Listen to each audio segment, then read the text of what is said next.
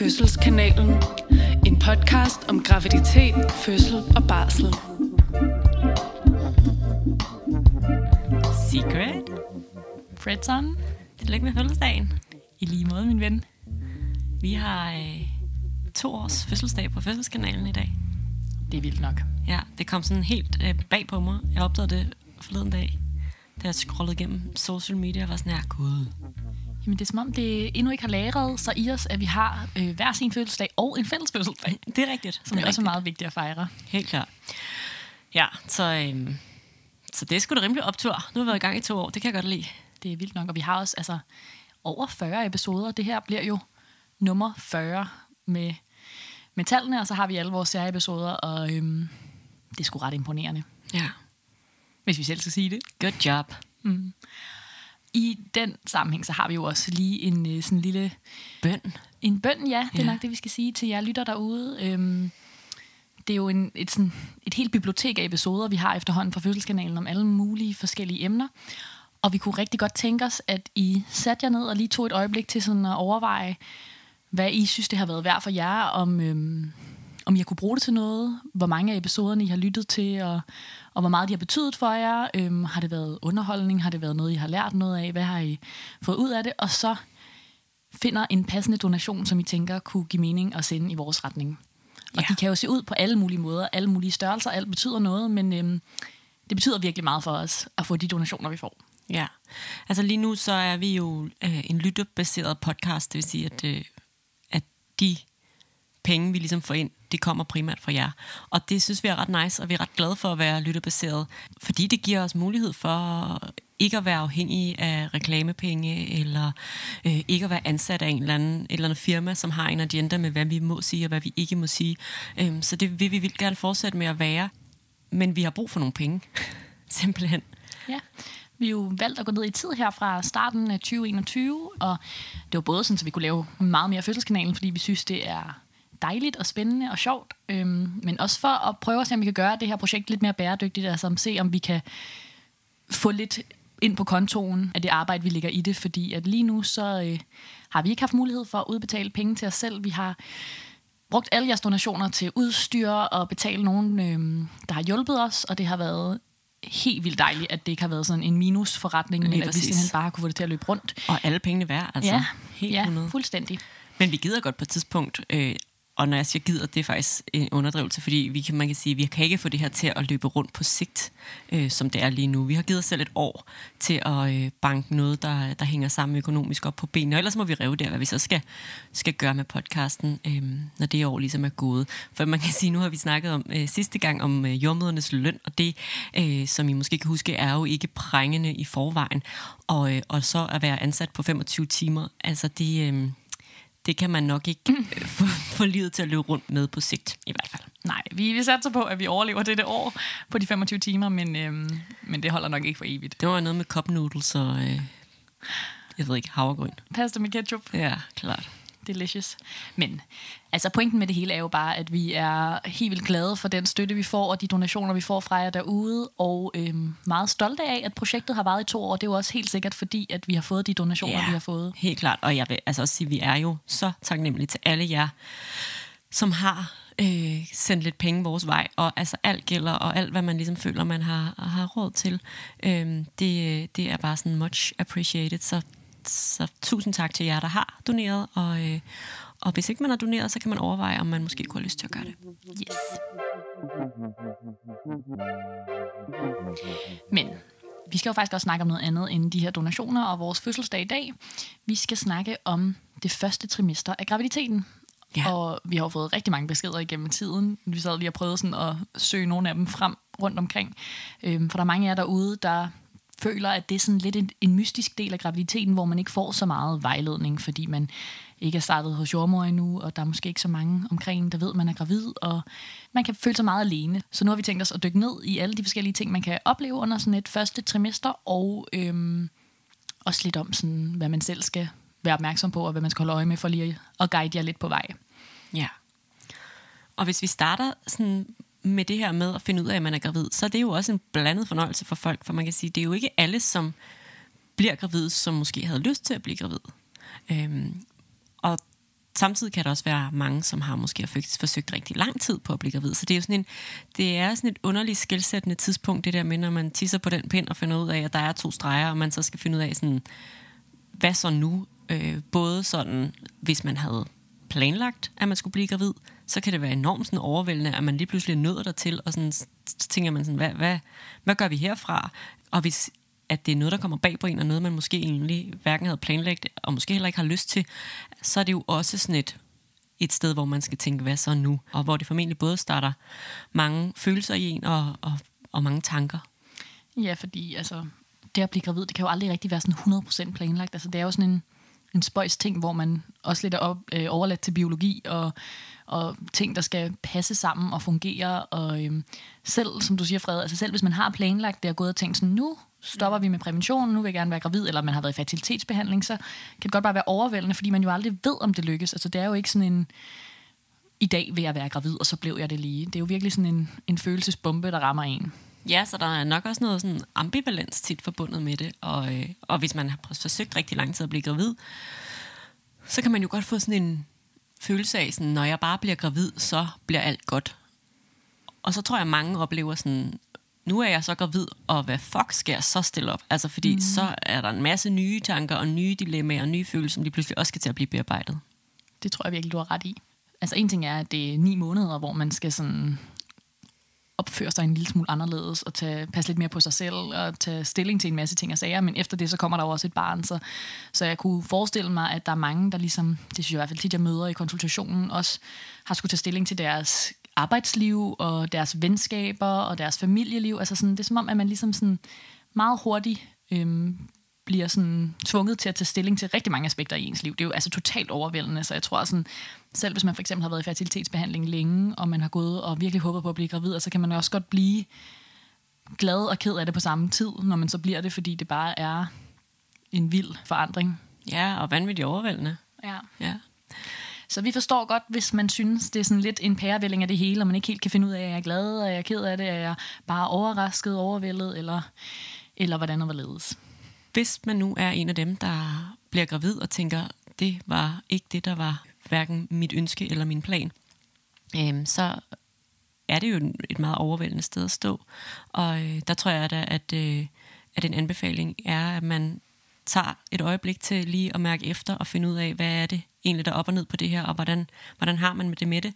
Og øhm, måske få snakket med nogen, der står en nær, og, og lige forvent situationen, og hvis man har en partner, er det jo oplagt at, øh, at inddrage personen øh, i graviditeten, og lige finde ud af, hvad er det egentlig, vi som par synes, der skal ske med det her. Og at man så i sidste ende jo har en beslutning, man skal træffe, om man har lyst til at fortsætte graviditeten, eller om man har lyst til at afbryde den. Og lige meget hvad, er der jo ikke nogen, der er ikke nogen rigtige eller forkerte valg i det her. Det handler jo om, at man skal finde ind til, hvad der giver mest mening for en, og hvad der gør en øh, glædes på sigt. Og så er det jo heldigvis sådan, at vi i Danmark har fri abort. Det vil sige, frem til uge 12, så kan man øh, gå forbi sin læge og, øh, og få en abort. Og det er der rigtig mange, der gør brug af i Danmark. Og det er en virkelig, virkelig vigtig og god mulighed, man har for øh, at afbryde en graviditet, hvis man når til den konklusion, at det simpelthen ikke er det, der skal ske for en lige nu. Ja, det synes jeg var en, en god pointe lige at få med, Frede, at det er selvfølgelig det her trimester, altså det første trimester, hvor at, øh, at man skal tage stilling til det, mm. om man har lyst til at være gravid og få det her barn. Ja. ja. Men der er jo heldigvis rigtig, rigtig mange, der bare bliver rigtig glade, når de finder ud af, at de er gravide, selvom at det ikke nødvendigvis var sådan 100% planlagt, at det var lige nu. Og så øh, er det jo en tid, de der 12 uger, som kan føles rigtig lang, altså fordi man, man øh, er glad, men der er alligevel måske ikke er sket så meget. Det, er sådan, det kan godt føles som sådan lidt sådan en underlig øh, glæde, der er lidt uforløst til at starte med. Jamen prøv lige også at forestille dig det her med, at du ved, du er gravid, men du kan ikke se det. Du kan heller ikke mærke det måske nogen vil have de her gener, men det er jo ikke alle, der har graviditetsgener. Så du står over for sådan den vildeste tid i dit liv, og intet har ændret sig til at starte med. Ja. altså det, er sådan, det jeg tænker jeg må være ret øh, vanvittigt, og jeg tænker også, at det må være sådan... Jeg hører i hvert fald mange sige den her med sådan... Jeg ved, om det er bare noget, jeg bilder mig ind. Altså sådan... Mm.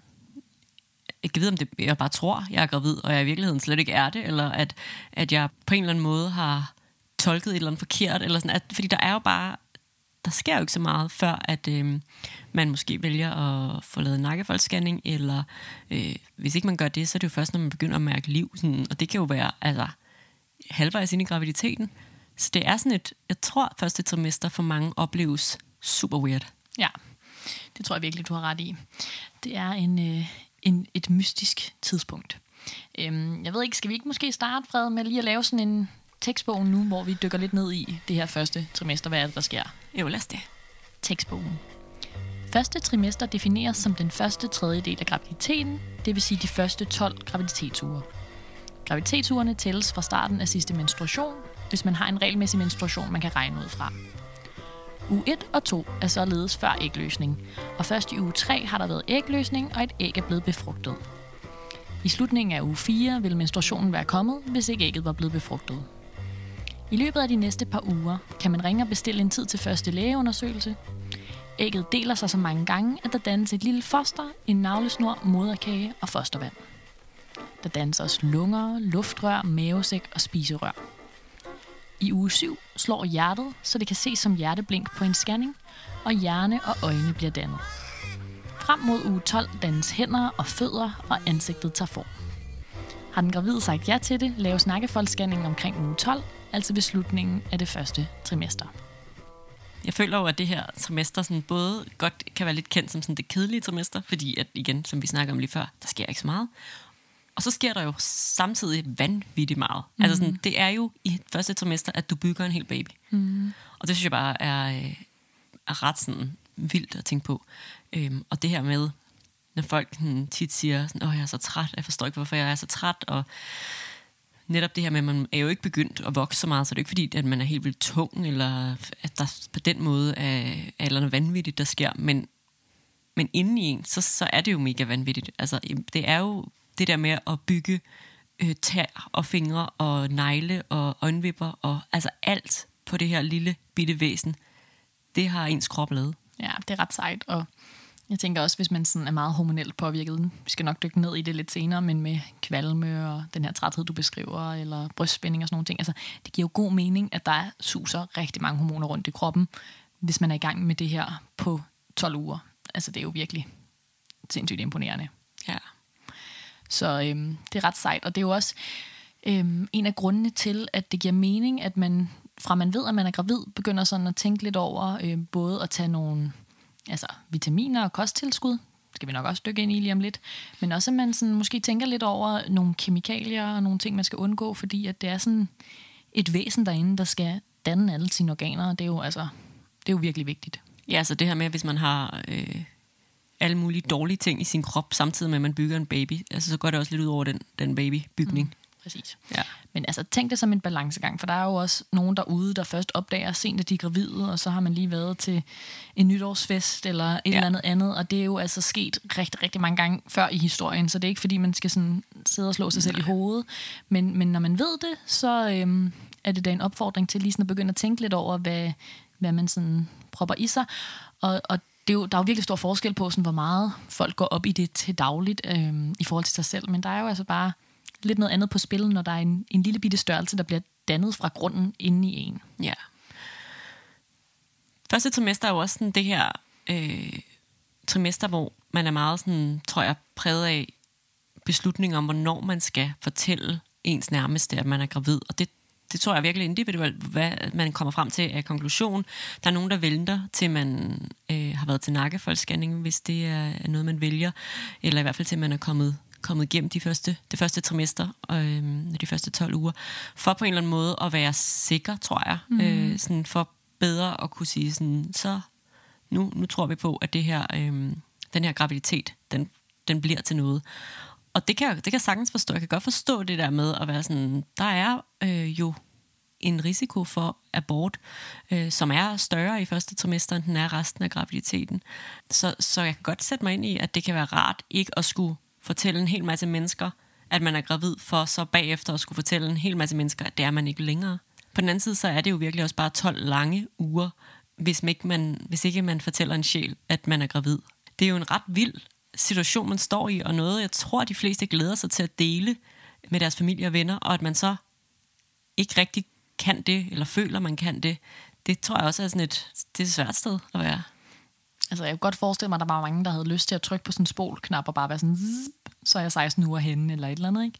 Øhm, det er jo sådan, det er mit indtryk, det er det, de fleste vælger at gøre faktisk. Altså i hvert fald måske så at sige det til sådan et par stykker, men ikke sådan gå ud og erklære til alle ens mennesker, at man er gravid, øh, før man har været til nakkefoldsscanning. Det er sådan blevet lidt sådan standard øh, pejlemærket for, for rigtig mange gravide. Men man skal jo bare finde ud af, hvad man selv har lyst til. Altså der er jo et eller andet i det. Det er også noget af det, vi snakker om i vores episode om scanninger. Der er jo et eller andet element af, at... Øh, det, man er bange for, det er jo, at det så ikke blev alligevel, og man bliver rigtig ked af det. Og, og de mennesker, som man så skal bruge, når man er rigtig ked af det, har brug for støtte, dem kan man jo så måske lige så godt fortælle, at man er gravid og dele det med, fordi man alligevel får brug for så at snakke med dem. Ikke? Så, så der kan være mange strategier i det her. Øhm, det er helt sikkert. Ja, inden vi gik i gang med episoden her, så snakkede vi også lidt om det her med, sådan, hvad det har konsekvenser, både det ene og det andet. Altså, mm-hmm. at det er jo det, at vi ikke snakker om, at vi er gravide tidligt i graviditeten, og dermed måske heller ikke får snakket om, når vi så aborterer. Det gør altså, at mange, der så står i den situation, altså bliver gravide, og så når at abortere i løbet af første trimester, både føler sig måske ensomme, men også derefter så har sådan en opfattelse af, når man så får sagt sådan, ja, jeg var gravid, nu har jeg aborteret, at de oplever, at mange af deres nærmeste siger sådan, nå, det har jeg også prøvet, og hvor man måske godt kan få sådan en fornemmelse af, sådan, hvorfor snakker vi ikke om det her? Mm. Øhm, fordi man lige pludselig står og er meget alene med det, indtil man så åbner op og deler om det. Mm. Og det er jo ret, altså aborter øh, er jo ret sådan hyppigt. Det er omkring 15-20 procent af alle graviditeter, der ender i en abort. Øh, så det er jo ikke, det er jo ikke sådan once in a blue moon, det sker. Det er jo ofte. Mm. Det er rigtigt. Altså, det er jo sådan tvægget, det der med, at man er så bange for at få en abort, at man ikke siger det til nogen, og så øh, vil man også føle sig helt alene, hvis det så skete. Ikke? Øhm, det tror jeg virkelig, du har ret i, men man må jo på en eller anden måde mærke efter med sig selv, hvad der, hvad der føles som den rette strategi for en, og hvad der vil føles rigtigt. Altså, jeg, jeg kan også sagtens forstå, hvis man bare den dag, man har tisset på en graviditetstest, og er positiv, råber det til hele verden og siger det mm. til alle.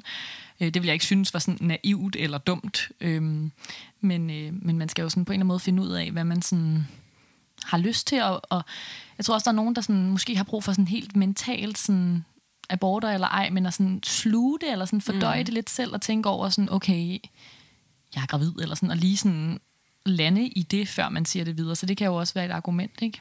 Tror du, der kan være sådan et element af sådan det her med, det er jo igen er sådan kvindeliv, og at der er sådan rent øh, historisk set har måske har været en tendens til, at, øh, at graviditeter og generelt det med kvindeunderliv og kvindeliv, at det sådan er sådan lidt hush-hush, altså noget, man ikke rigtig skal bruge så meget energi på at tale om, og, øh, og måske særligt det her med sådan mislykkede graviditeter, eller graviditeter, der går til grunde, at det på en eller anden måde bare...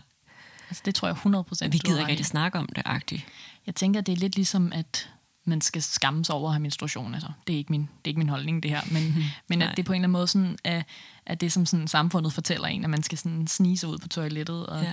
have et bind i sådan skjult i lommen ja, eller et eller andet. Ja. Ikke? Og, og jeg tror, at, at der er mange sådan kvindelige kropsfunktioner, eller sådan, som, som på en eller anden måde bare historisk set ja, har været meget skamfuld, Og, og der billedet af, at man er sådan højgravid, og man har en stor mave, og billedet af, at man har et barn i armene, det, er sådan, det kan vi godt acceptere, det billede af en kvinde. Men sådan et billede af sådan en, både en, der aborterer, øhm, en, der menstruerer, en, der føder, og, og siger alle de lyde, man nu siger, når man føder, og der fosser fostervand ud af en, og efter man har født, fosser der blod ud af en, og mælk ud af brysterne. Altså alle de der billeder, tror jeg, det er ikke ligesom dem, vi er vant til at tegne af den meget smukke, feminine, rene kvinde. Øhm, så jeg tror helt sikkert, du har ret i, at der er et eller andet der, som også kommer til at præge mm. sådan, ideen om at snakke med ens venner og familie om, om abort, eller frygten for abort, eller øh, skulle dele det med alle omkring en. Det tror jeg, du har ret i. Ja, der kommer sådan lidt skam og skyld ind over ja, igen. helt sikkert. Ja. Og så tror jeg også bare, der, altså ud over det sådan helt sådan kulturelle der, så tror jeg også, der er et eller andet element i, at man sådan også godt kan føle, at ens krop har svigtet en, og sådan, mm. det i sig selv kan være hårdt at gå rundt med selv, men, men hvis man så også skal dele det med ja. folk, som er sådan, nej, det var godt nok ærgerligt, eller sådan, det, det kan godt måske føles, som om det så bliver et ekstra, ekstra nederlag, eller sådan. Ja, at det er bare sårbart, og ja. øh, måske også svært at tale om, og især Præcis. hvis man ikke er, er vant til at tale om Ja. de lidt mere svære ting i livet. Ja, jeg tror, altså sådan, og det er, jo, det er jo også noget af det, der sådan er på spil med, øhm, med mennesker, der går i fertilitetsbehandling, at man, det nu sidder jeg og kloger mig på det, uden selv at have prøvet det, men, men jeg kender alligevel en del, der har været i fertilitetsbehandling, at der er sådan et, et element af, at man godt kan føle, at ens krop ikke kan det, som den skal. At man sådan, Ja. hvis man er vokset op som sådan en cis heteroseksuel kvinde, så har man ligesom bare gået og regnet med hele tiden, at ens krop skulle producere et barn på et tidspunkt, og sådan, at, at det godt kan være sådan lidt skamfuldt, og man også godt kan være rigtig, altså sådan være i sorg over, over det ved siden af øhm, sorgen over at have mistet en graviditet, ikke? Jo, det tror jeg. Det tror jeg på mange måder, du har ret i. Ja.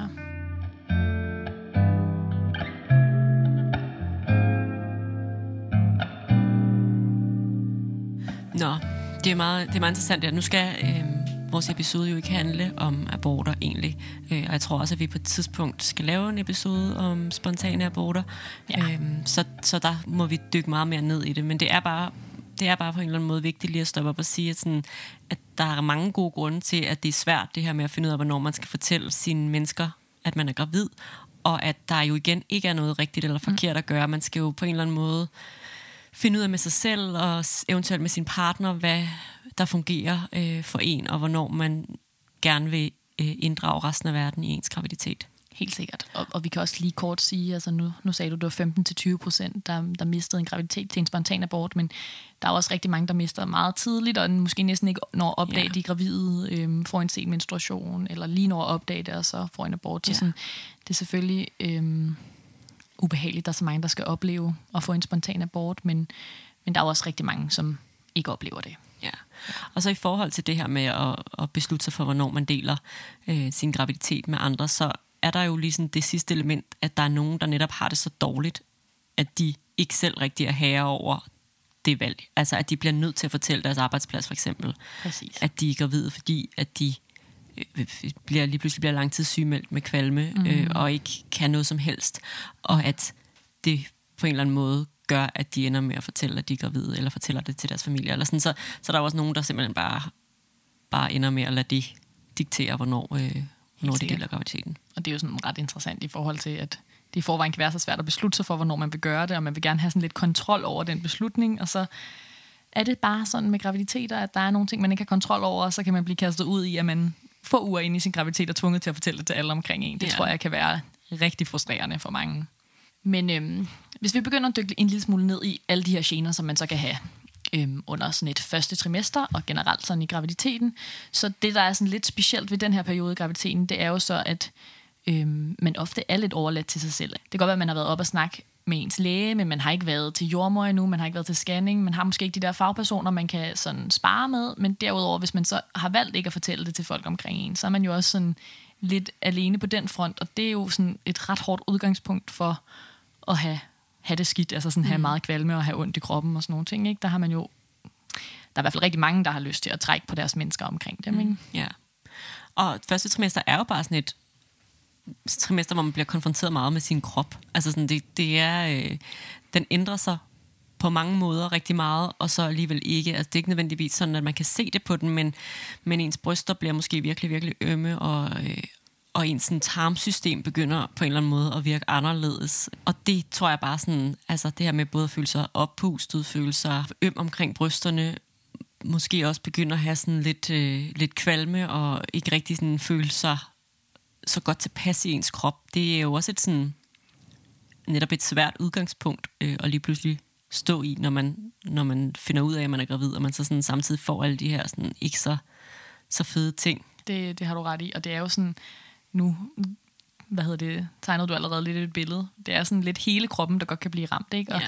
og alle graviditetsgener, man har hørt om ude i verden, kan man jo faktisk opleve allerede fra start graviditet, fordi at noget er hormonelt, altså noget er sådan øhm, den belastning af en livmor, der vokser og den slags ting, men der er også noget, der er helt hormonelt, som jo kommer fra start graviditet, hvor Ja. man kan mærke for eksempel, at man bliver meget, meget træt, eller som du sagde, det her med forstoppelse, altså det er der jo mange, der forbinder med jerntabletter, at, at en bivirkning ved at spise jern, som man først begynder øh, på senere i graviditeten, det, øhm, det kan være, at man, man får sådan, ja, altså bare kommer til at døje rigtig meget med forstoppelse. Øh, men det kan også godt ske allerede før det, fordi at man har nogle graviditetshormoner, der godt kan få ens tarm til sådan at slappe lidt af. Det er jo sådan en muskel, der skal sådan arbejde lidt for at få det her mad og øh, senere afføring sådan igennem systemet. Og øh, hvis ikke den arbejder, så, så bliver man jo sådan lidt forstoppet. Så når man så begynder at tage jern, så bliver det jo sådan en dejlig dobbelt, dobbelt effekt ja, af de to ja, ting. Ikke? klart. Men, øh, men man kan godt opleve at få sådan en, en rigtig oppustet, irriterende mave. Ja, og så sådan det, det her, du også lige sagde med hormonerne, det gør jo også nogle gange, at man kan få øh, rigtig mange humørsvingninger. Mm. Det vil sige, udover at man står i en situation, som er meget ny, og at man skal prøve at lære at navigere i en graviditet, prøve at finde ud af, hvad er op og ned på det her, og som du selv sagde, så er der jo ikke specielt meget, udover lægen, øh, sparring med fagpersoner, så man er meget efterladt på egen hånd til ligesom at netop finde ud af, hvad, hvad var det nu med de der kosttilskud, hvad er det egentlig, jeg skal tage, og alle de her ting. Og at man så samtidig netop er udfordret af, at, at hormonerne påvirker ens humør, og måske gør en meget mere sårbar eller sensitiv og skrøbelig. Og, øh, og det er bare sådan, jo er med til at, at sådan booste den her følelse af måske at være overvældet, eller mm. øh, have svært ved at sådan finde hoved og hale i det hele. Ja, helt sikkert. Øhm, noget andet, man kan opleve, det er sådan, altså bækkenet, det som man kalder bækkenløsning, som mange har hørt om. Det er jo noget, der sker for alle gravide, altså i, i alle gravide kropper vil ens bækken sådan begynde at give sig lidt i løbet af en graviditet, fordi hormonerne fortæller bækkenet, at det skal kunne give plads til et barn på et tidspunkt, når det skal fødes ned igennem bækkenet. Øhm, men det er der simpelthen nogen, der kommer til at opleve allerede fra den dag, de er blevet gravide nærmest, måske et par uger efter, at, øh, at de kan mærke, at deres bækken begynder sådan at give sig og blive rigtig, rigtig ømt af det. Øh, og det er jo mega irriterende. Altså, de fleste forventer jo, at der skal være en, en stor mave, der skal sådan tvinge det her bækken til at blive ømt. Men, øh, men det kan man også godt opleve sådan helt hormonelt. Og så kan en graviditet jo godt føles rigtig lang, hvis man oplever det fra sådan noget uge 6-7 stykker. Ikke? Mm. Jeg kan mærke, når vi sidder og snakker om de her ting, altså man, i drømmeverdenen, så ville der jo være et jommerbesøg. Ja. Altså helt tidligt, som sådan netop gav en lidt sparring på den aller, aller første tid, ja. ikke? Fordi det er da bare sådan, det er da absurd. Det er jo en tredjedel af graviditeten, man ligesom sådan bare skal klare på egen hånd. Og det er jo meget ud fra sådan et øh, sådan lidt kynisk synspunkt af sådan, når man netop, der er nogle graviditeter, der ender i aborter, og når vi vælger at lægge dem så sent, så er vi ligesom ude over det. Det vil sige, at vi ikke starter ikke en masse graviditetsforløb op, som så alligevel bare ender øh, i en spontan abort. Altså, jeg, jeg synes da virkelig både, at sådan noget prækonceptionel øh, rådgivning, altså det her med sådan, når man prøver at blive gravid øh, af en jordmor, og et, et jordmorbesøg tidligt i graviditeten, vil give rigtig, rigtig god mening. Ja, jeg er meget enig, Frede. Det har du virkelig ret i. Det er sådan lidt en, en kynisk øh, money business tankegang, det andet. Ja. Men øh, sådan er det jo. Øh, hvis vi fortsætter den dejlige lange liste af gener, man kan opleve, så har vi allerede snakket lidt træthed. Det kan jo være sådan, altså fuldstændig uoverkommelig træthed, som ikke nødvendigvis bliver bedre af, at du sover så og så meget, eller spiser og drikker godt. Det kan bare blive ved med at være der. Det er jo også, altså, det er jo også, nogle af tingene hænger jo lidt sammen. Nu snakkede du om humøret. Altså, det kan godt være lidt svært at sådan vikle tingene ud af hinanden ja, og sige, hvad der er været, fordi det, det bliver man jo også altså, i en lidt dårlig humør af. Ja, og bare det her med, at, at man jo igen forventes at opretholde sit normale pace. Ja. Det vil sige, at hvis du går på arbejde, så forventer det er der, at du møder op på arbejde og yder det samme, som du ville have gjort, inden du blev gravid. Så, øh, så udover at du bygger en baby, så skal du også bare sådan fortsætte dit, dit hverdagsliv. Øh, og der tror jeg, at mange, der oplever, at første trimester er meget sådan et trimester, der er præget af at gå på arbejde, og komme hjem og sove. Ja. Og så stå op næste morgen og gå på arbejde, og så komme hjem og sove. Ja. Altså at folk lige pludselig sover 12-14 timer om natten, øh, eller kommer hjem og sover til middag, og så går i seng klokken 9. Altså sådan, og det igen giver jo bare god mening, når man tænker på, hvad det er, kroppen ligesom har gang i. Men det kan godt føles som om, at, at man ikke laver noget, og mm. sover hele tiden, og bliver ved med at være træt. Ja, så vi vil i hvert fald gerne sådan opfordre jer til ikke at have dårlig samvittighed. Altså hvis man er nødt til at lave om på en masse ting fra start, og sådan sænke baren lidt, og sine egne forventninger til sig selv, så øhm, det er selvfølgelig mega svært, men det giver jo altså rigtig god mening, at der er brug for det.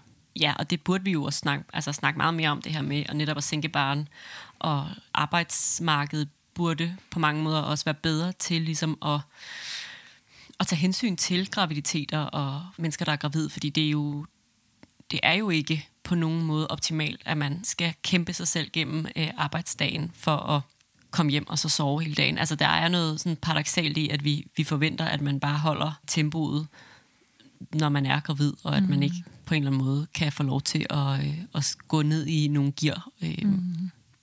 lige Ja. midlertidigt. Helt sikkert. En gene, som jo er en klassiker for første trimester, det er kvalmen. Og nogle gange synes jeg, det er lidt interessant, når vi sådan sidder og snakker om kvalme, og så har man sådan, "Nå, kvalme, det er lidt irriterende og sådan noget, ikke? Men når man så har kvalme, så tænker man, det Oh her er God. det værste, der kan ske for et menneske. Altså sådan, det er det jo ikke, men øh, det er jo bare så ubehageligt at have kvalme. Og man kan jo blive fuldstændig vanvittig. Altså selv hvis man er sådan heldig, siger jeg, og det lyder over virkelig tavligt, og kun har kvalme sådan nogle timer om dagen, eller sådan en gang imellem, så er det jo nok til at gøre en i helt vildt dårlig humør. Og så er der dem, som jo bare har kvalme non-stop. Altså morgenkvalme er ikke nødvendigvis tilfældet, når man er gravid, selvom det er det, der... Men det er sjovt, jeg ved slet ikke, hvorfor har Nej, vi valgt at kalde det præcis. morgenkvalme nogen. Der er også altså mange, der sådan, har aftenkvalme, eller Bare kvalme. ja, Ja. kvalme, kvalme. Man kan sagtens have kvalme døgnets 24 timer i tre måneder, eller Længere. ni måneder. Ja. Altså det, de fleste sådan helt statistisk øh, slipper af med kvalmen, når første trimester er slut, eller sådan i ugerne, månederne efter. Men der er altså også desværre, det er simpelthen forfærdeligt, nogen, der har det i ni måneder, og det må være Døden. fuldstændig sindssygt. Ja. Ja, og altså kvalme er jo sådan en glidende overgang til det, vi kalder for hyperemesis, som er, når det begynder at blive sådan mere patologisk, altså sådan mere...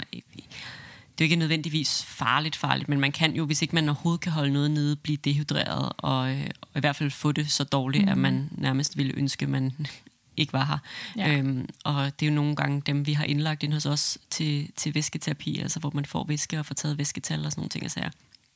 Så det er jo også for at sige sådan, at, at det, det spænder jo bredt, og der er noget af det, som bare, igen i citationstegn, er kvalme, og måske nogle opkastninger, men det kan jo også gå hen og blive sådan til en decideret sygdom. Ja, ja og, og det har vi også snakket om, at vi vil lave en episode om en dag, fordi det er virkelig, øhm, det er virkelig ubehageligt, hvis man er en af dem, der får hyperemesis. Det er jo sådan altså en decideret diagnose, som er, at man har for meget kvalme, eller hvad man siger, altså sådan på et sted, hvor det begynder at blive sådan et problem for ens system. Ja. Øhm, og vi har, vi har simpelthen nogle gravide liggende, som i flere uger nærmest ingenting har kunne spise, øh, og som bare kaster mavesyre op, og det er jo virkelig synd. Ja, det, er, det er virkelig, kan virkelig blive ekstremt, og, mm. øh, og der er, det jo der, hvor det går over og bliver overhovedet ikke sjovt længere. Ja, og heldigvis for dem, så er det også tit noget, der, der forsvinder væk efterhånden, som første trimester er slut.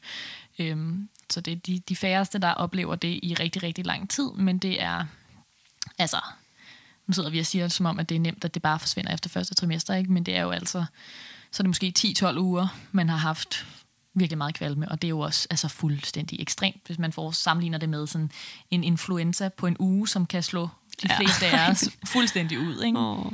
Ja. Ja. Så vi kan godt forstå, hvis det er pishammerende hårdt. Hæng i, det varer ikke for evigt. Hvad kan, Frede, kan vi komme i tanke om andre gener? Jeg, jeg sidder og tænker sådan noget øh, halsbrand, som jo også Ja. virkelig er irriterende. Øhm, og, og det er der mange, der oplever sent i graviditeten, fordi at livmoderen vokser og presser på. Men endnu en gang, de dejlige hormoner kan også bare få lukkemusklen fra mavesækken op til spiserøret til at slappe lidt for meget af, så der kommer en masse syre op i spiserøret og gør, at man får det her halsbrand. Det er jo også pisse irriterende. Ja, pisseirriterende. Men nej, altså, altså er der jo, alle har jo også individuelle gener, vil jeg sige, så sådan, det her, det er jo de overordnede, men mm. man er jo bare påvirket både af øh, graviditetshormoner, og det med, at, øh, at man bygger, mm. bygger en baby. Det er bare hårdt. Pisse hårdt. måske vi heller ikke behøver at pensle alle ud, men vi har måske sådan fået beskrevet lidt, at, øh, at man kan opleve rigtig, rigtig, rigtig meget på én gang, og vi kan godt forstå, at det, øh, det kan være nogle langsomme uger, Ja. ja. de her. Så vil jeg sige, så er der jo også det modsatte, og det, det kan vi jo også lige kort vende, at der er jo også nogen, som simpelthen nærmest ikke kan mærke, de er gravid. Det er rigtigt, og, og det tror jeg faktisk også kan være, altså, det er jo nemmere end at have det rigtig skidt, men jeg tror også godt, det kan være sådan psykisk svært, det der med sådan, kunne der lige komme en kvalme og fortælle mig, at jeg var gravid? Ja. Det ville være dejligt, ikke? Ja, helt klart. Og jeg, altså, der er nogen, der decideret, tror jeg, får den her følelse af sådan, altså, er jeg, og- er jeg overhovedet gravid? Mm. Jeg bliver ved med at tisse på en pind, og den siger, at jeg er gravid, men sådan, er det rigtigt? Er det sandt? Hvad er op og ned på det her? Ja. Og, øh, og måske også, det har jeg i hvert fald også hørt nogen, der oplever at have kvalme, og at kvalmen så lige pludselig forsvinder øh, efter nogle uger. Altså så ikke, øh, ikke ved uge 12, men måske ved uge 8, og man tænker sådan, åh, åh, er det så fordi, der er noget galt? Ja. Øhm, så, så ja, men, men der er bare også nogen, som kommer igennem en, en graviditet uden rigtig at, at mærke noget til alle de her gener. Mm. Og, og det er um, good for you guys. Yes.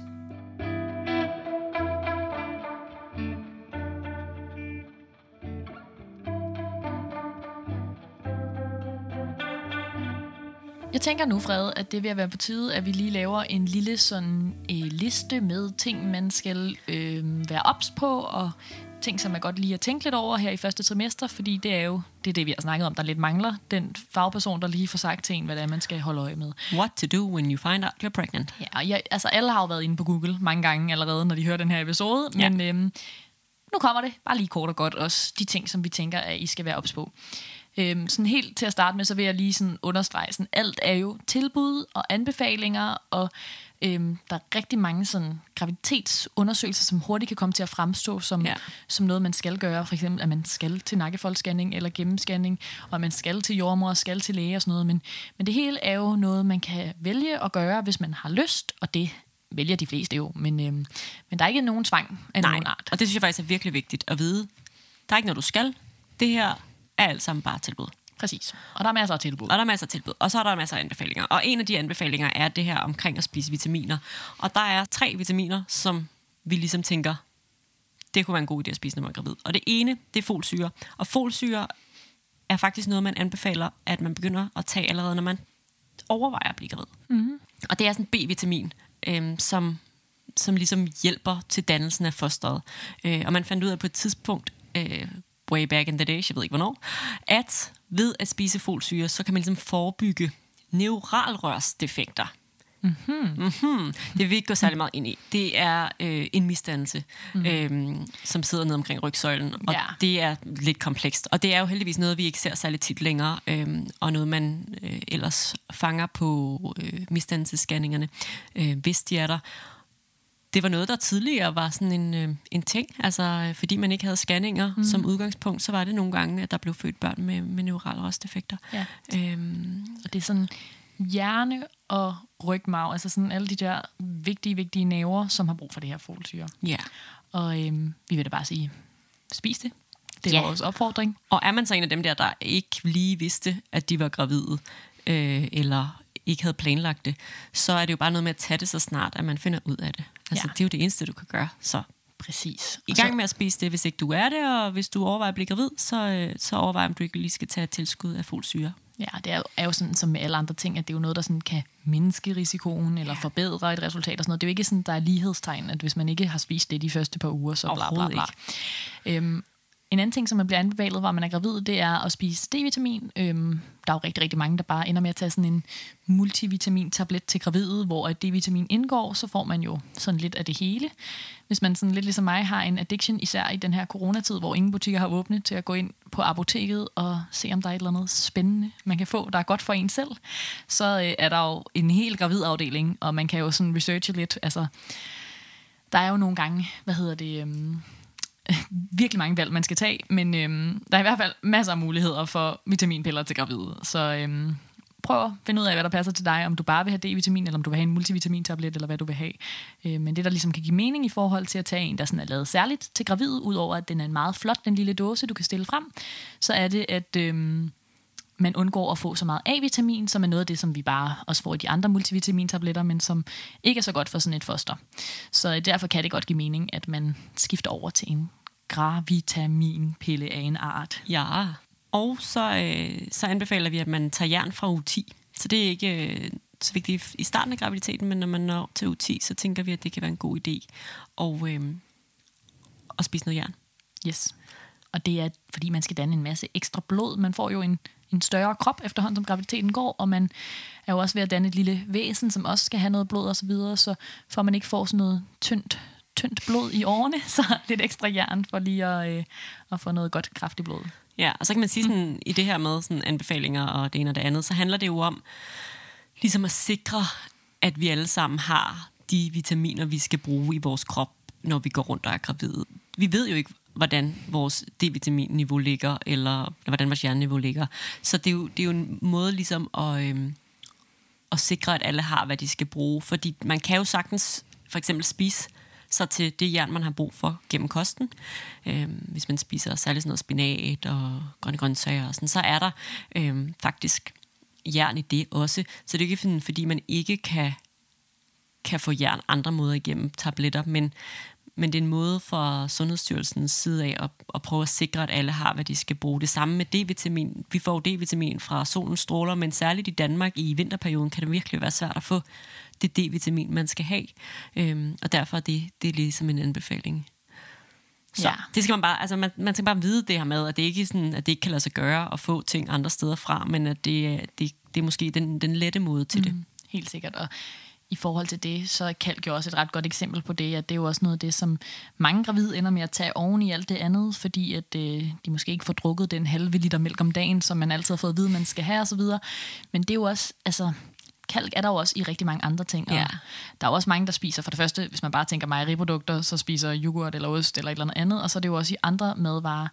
Øhm, og derudover, så hvis man skulle være lidt i underskud af kalk, altså ikke få alt det kalk, som man egentlig anbefaler, så er det lille foster derinde sådan en ret god parasit, der kan suge ja. til sig. Så det, så det er egentlig mest for den gravide krop, lige ja. når man tænker på kalk, fordi at, øh, at barnet skal nok få det, den skal have, men sådan, så man ikke efter graviditeten er lidt low. Så, så der er jo mange af de her ting, som sådan, kan gradbøjes lidt, og hvor man sådan gerne må stoppe op og selv tænke, hvad man har lyst til, og hvad der giver mening i forhold til det mad, man selv spiser, og så videre. Ikke? Så det er ikke, der er ikke noget, der er lov. Nej. Så vil den første sådan øhm, fagperson, man ser, eller den første sådan ægte kontrol, være for langt, langt de fleste en lægesamtale hos ens egen læge. Og det øhm, giver god mening på mange måder. Altså langt hen ad vejen, så føler jeg jo, det ved jeg ikke, hvad du tænker, Fred, at, øh, at der er mange graviditetsting, som er gode at snakke med jordmøder om, fordi vi ligesom ikke laver andet. Men, men det, som ens egen læge kan, det er jo, at vedkommende ofte i hvert fald kender en og har sådan et godt overblik over, hvad ens sådan, sygdomshistorik er, ja. og måske også ens psykiske helbred, og sådan lidt ja. forskellige ting og sager, som kan være ret relevant sådan, i forhold til, ja. til også, hvordan man skal opføre sig under graviditeten. Altså særligt, hvis man har sådan en familielæge, eller sådan en læge, man har haft i rigtig mange år, mm. altså så giver det jo vildt god mening, at lægen ser en, og på en eller anden måde får lavet bindeled mellem os og den gravide. Fordi det, der jo sker i praksis, det er, at lægen kender måske noget til øh, en, men vil så spørge ind til en masse ting og ligesom optage journal, og så sender de informationerne videre til os, øh, så vi ligesom har styr på, hvad er der rundt om den gravide af, af historik, både øh, sygdomme eller, eller mentale ting, og så tager vi så over og spørger lidt mere ind til nogle forskellige graviditetsrelaterede ting. Øhm, og så ser man jo også lægen sådan undervejs i graviditeten. Man har to besøg hos lægen i løbet af graviditeten. Øhm, så det er jo sådan et samarbejde mellem os øh, som jordmøder og så øh, egen læge. Og øh, lægen vil starte med sådan at konstatere, at man er gravid, og lige sådan sikre sig, at det er det, der er tilfældet. Og så ellers lave sådan en bare sådan standard helbredsundersøgelse, tjek blodtryk og øh, højde og vejen, hvis man er med på den, og få taget en blodprøve, som viser, hvilken blodtype man har, og om man øh, har nogle altså virus og sådan vira, sorry, det var en stor grammatisk fejl herfra. Hvis man har nogen vira, altså sådan HIV, hepatitis, øh, den slags, som vi skal være opmærksom på, når man kommer ind på hospitalet. Øhm, og nogle gange så vil de også lave flere undersøgelser, hvis der er noget, der er relevant. Sådan, men lige sådan lave sådan et godt lille helbredstjek. Ja, men så er der også nogle ting, som man jo så skal tage stilling til, og, øh, og måske i samarbejde med lægen ligesom finde ud af, hvad der skal ske. Fordi sådan noget som for eksempel fødested, øh, er noget, som man kan snakke med lægen om, øh, hvis man for eksempel gerne vil føde hjemme. Øh, hvis man vil føde på klinik. Ja, og det er jo sådan lidt forskelligt, alt efter hvor man lige bor henne i landet, når man er gravid. Der er jo nogle regioner, som har andre tilbud, øhm, så sådan, alt efter hvor man er, så kan man lige få sådan en kort briefing i, hvad er ja. mulighederne her, og så, øh, så vælge derfra. Ja. Og, øh, og det er jo i hvert fald, det er jo ikke noget, man nødvendigvis skal tage stilling til, når man er hos egen læge otte uger henne. Nej, det er rigtigt. Det er faktisk sådan lidt wild lige ja. der. Øh, men det er noget, man kan tage stilling til der, og i hvert fald kan ligesom ja, snakke lidt med lægen om. Og ellers så er det noget, som vi øh, også ved første jommerbesøg snakker lidt videre om. Det vil sige, hvis man har et ønske om hjemmefødsel, øh, så kan man sagtens møde op til første jommerbesøg og så snakke med, øh, med jommeren der omkring, hvad, hvad der er af muligheder. Mm. Øh, og nogle gange så flytter vi folk til hjemmefødsel øh, ret langt hen i graviditeten, så der er ligesom ikke sådan noget, der skal du have besluttet dig, Nej. og så bare fanger bordet. Men man kan snakke med, med lægen om det allerede der ved første lægebesøg. For et par måneder siden havde vi da en gravid, vi snakkede om i vagt, som øh, blev om visiteret, eller hvad man siger, til hjemmefødsel i uge 39. Så det var jo faktisk et stykke ind til min periode, så kunne hun bare mærke, at jeg skal skulle føde hjemme, og der skal man selvfølgelig have lov til det. Det er jo nok nemmest for en selv, hvis man beslutter det så tidligt som muligt, bare på den måde, at man så kan indstille sig lidt mentalt på det, og få den information, der sådan er rettet i den retning undervejs i graviditeten. Ikke? Men, øh, men ellers så, så kan man ombestemme sig ja. undervejs. Og så er det også her, at man ligesom kan tage stilling til, om man har lyst til at sige eller nej til nakkefoldsscanning. Det er ligesom lægen, der også øh, sender en videre til hospitalet, som så indkalder til nakkefoldsscanning. Øh, så hvis det er noget, man tænker sådan, det har jeg ikke lyst til, så, øh, så er det jo også væsentligt ligesom at få sagt højt. Øh, det er vil jeg også bare lige have lov til at sige muligt, også at sige ja til en scanning, uden for eksempel at få lavet nakkefoldsscanning. Altså, så det der med at sige, jeg vil gerne, jeg vil gerne scannes, se der er et barn, se der ikke er to børn for eksempel, øhm, men jeg er ikke interesseret i at få øh, risikovurderingen af nakkefolden. Ja, og øh, det samme gælder jo gennemscanning, at det er også noget, man ligesom skal vurdere, om man har lyst til eller ej, og hvis man tænker, hvad mener de lige med det, eller godt vil høre mere om det, så kan man jo lytte til vores episode om scanninger, hvor vi også går lidt mere i dybden med, sådan, hvad det er, man takker ja til i den pakke, og hvad, hvad der kunne være argumenter for og imod. Ja. Øhm, så vil lægen også øh, spørge lidt ind til arvelige sygdomme i familien, og, og se, om der er noget af det, der har nogen betydning for graviditeten. Blandt andet sådan noget, hvis man har sukkersyge i familien, så vil det være noget, der, øhm, der gør, at man skal til, til nogle ekstra ting i løbet af graviditeten. Ja, og, og så er der jo også nogle andre ting sådan, øh, i ens liv, som kan være relevante for os at vide i forhold til, hvilke sådan, anbefalinger og øh, undersøgelser, vi vil lave. Det er sådan noget som, hvis man for eksempel arbejder med kemikalier, eller hvis man arbejder med... Øh, har et job, hvor der er risiko for slag på maven, eller tunge løft, eller sådan noget i den dur, så kan det også være godt at få en snak om. Og så sådan noget som rygning, øh, det er også relevant for os at vide, fordi det har betydning for, sådan, om vi laver nogle ekstra scanninger, og det er selvfølgelig også noget, man vil gå i dybden med den gravide om og fortælle, hvad det betyder for graviditeten. Øhm, og udover rygning, så er der sådan noget som forbrug af alkohol eller euforiserende stoffer, som også er noget af det, vi har brug for at vide, om det øhm, indgår i denne graviditet, mm. fordi at det betyder noget for det sådan, den anbefaling, man får. Altså, så vil man typisk blive henvist til noget, der hedder familieambulatoriet, som er nogle jordmødre, som følger en og har flere tider og snakker mere med en og laver flere undersøgelser for ligesom at sikre, at det er en familie, der er klar til at tage imod det her barn og får den hjælp, de skal have, og øh, at, at graviditeten forløber, som den skal. Ikke? Yeah. Så der er, ligesom, der er nogle ting, som gør, at man vil blive fuldt meget mere tæt i mm. graviditeten, mm. hvis der er en eller anden grund til bekymring. Ja. Noget andet kan være, hvis man har øh, nogle ting med sig psykisk, som gør, at man måske er, er mere sårbar i sin graviditet, og den vej rundt øh, skal have ekstra hjælp øh, til det. Der kan også være, hvis man har medicin forbrug, øh, som jo også kan være øh, forbundet med, hvis man øh, for eksempel har noget psykisk, altså at man tager ja, en eller anden form for, for medicin i den forbindelse, øh, som vi skal være lidt opmærksom på generelt, hvis man tager en eller anden form for medicin, så er det jo noget, vi gerne vil vide. Øhm, og det er fordi, der er nogle typer medicin, som er helt fint at tage under graviditeten, og så er der noget, hvor vi enten skal lægge en anden plan, at man skal have noget andet medicin, mens man er gravid. Men det kan også være, at man bare øh, skal have det medicin, og at vi så skal være ekstra opmærksom på, på barnet, når det kommer ud, fordi at barnet jo så har været under indflydelse af det her medicin ja. i løbet af graviditeten, og vi så skal sikre os, at det, når det lige pludselig kommer ud og ikke længere får det her medicin, ikke får abstinenser. Ja, så det er lidt forskelligt alt efter, hvad det er, man får. Der er også noget medicin, som man bare sagtens kan fortsætte med. Ja. Men det er jo sådan noget, som ens læge heldigvis har overblik over og kan lægge en plan øhm, for sammen med en.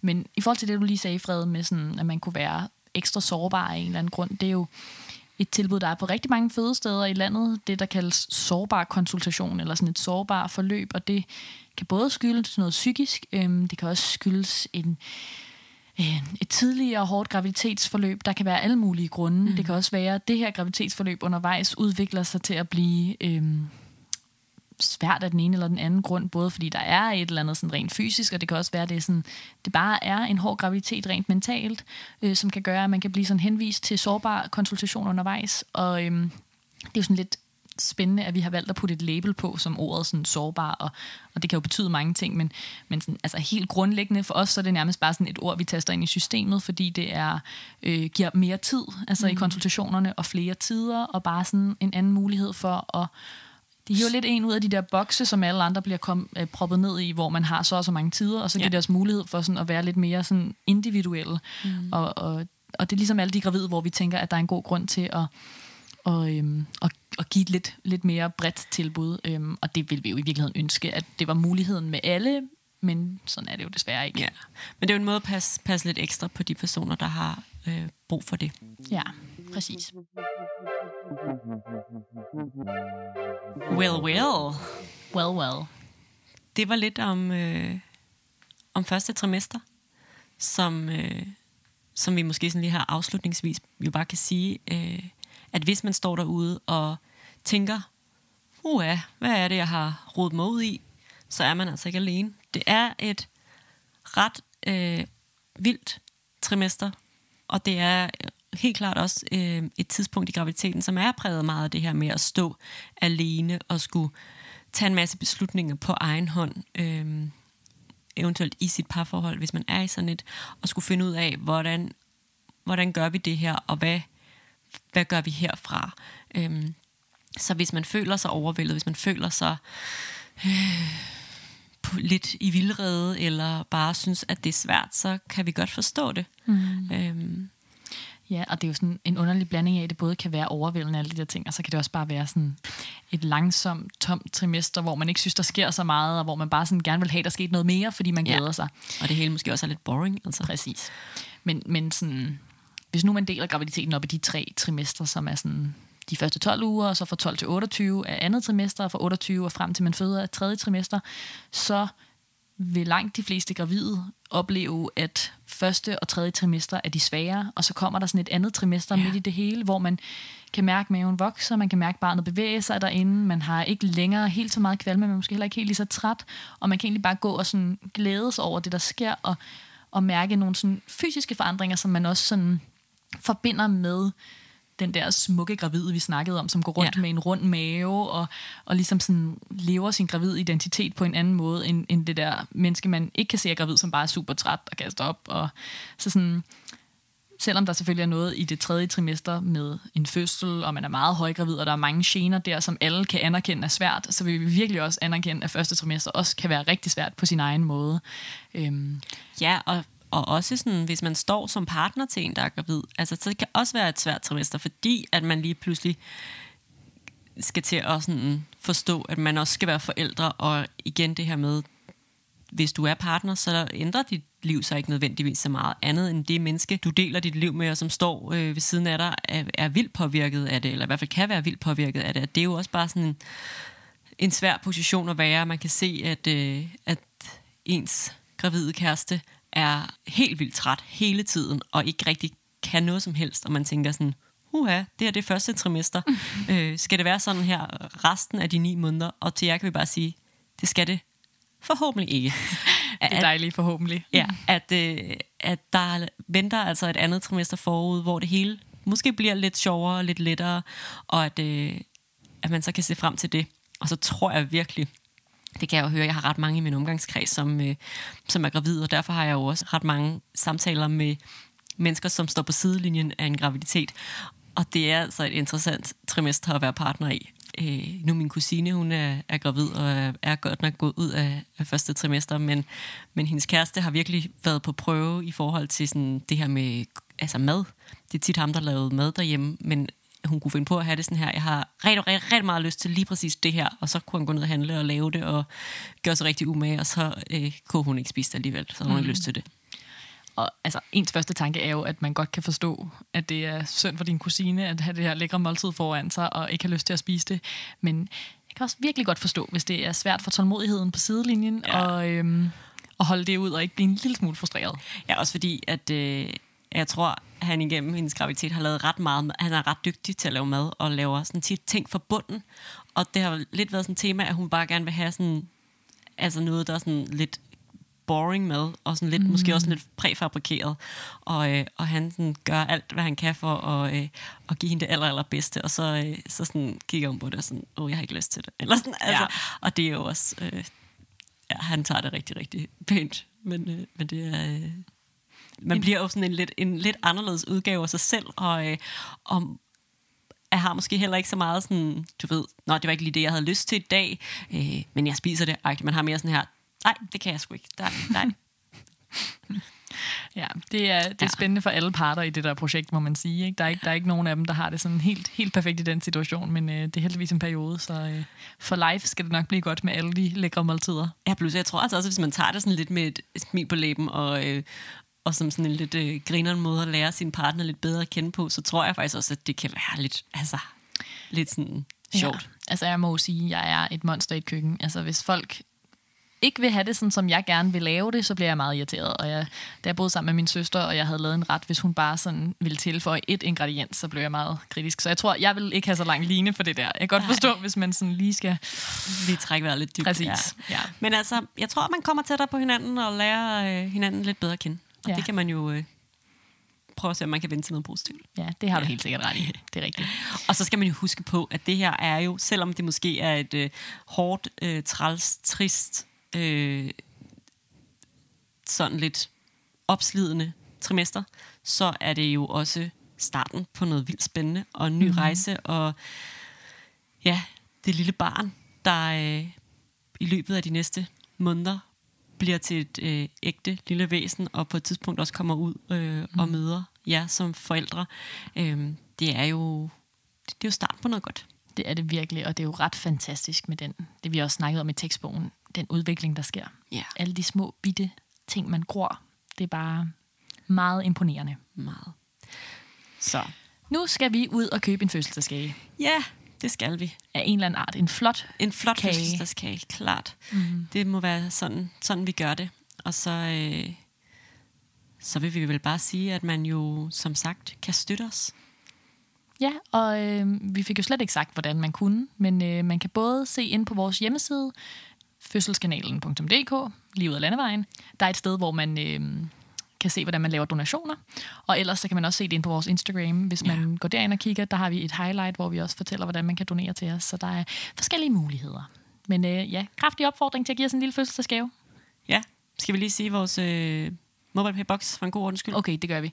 MobilePay-boksen er 9118 DM, så hvis du er klar lige nu til at sende noget i vores retning, så, så er det simpelthen bare det. det, du gør.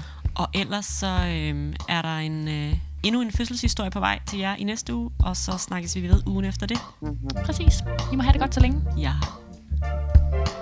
Du lytter til Fødselskanalen. Det er sgu da fedt nok.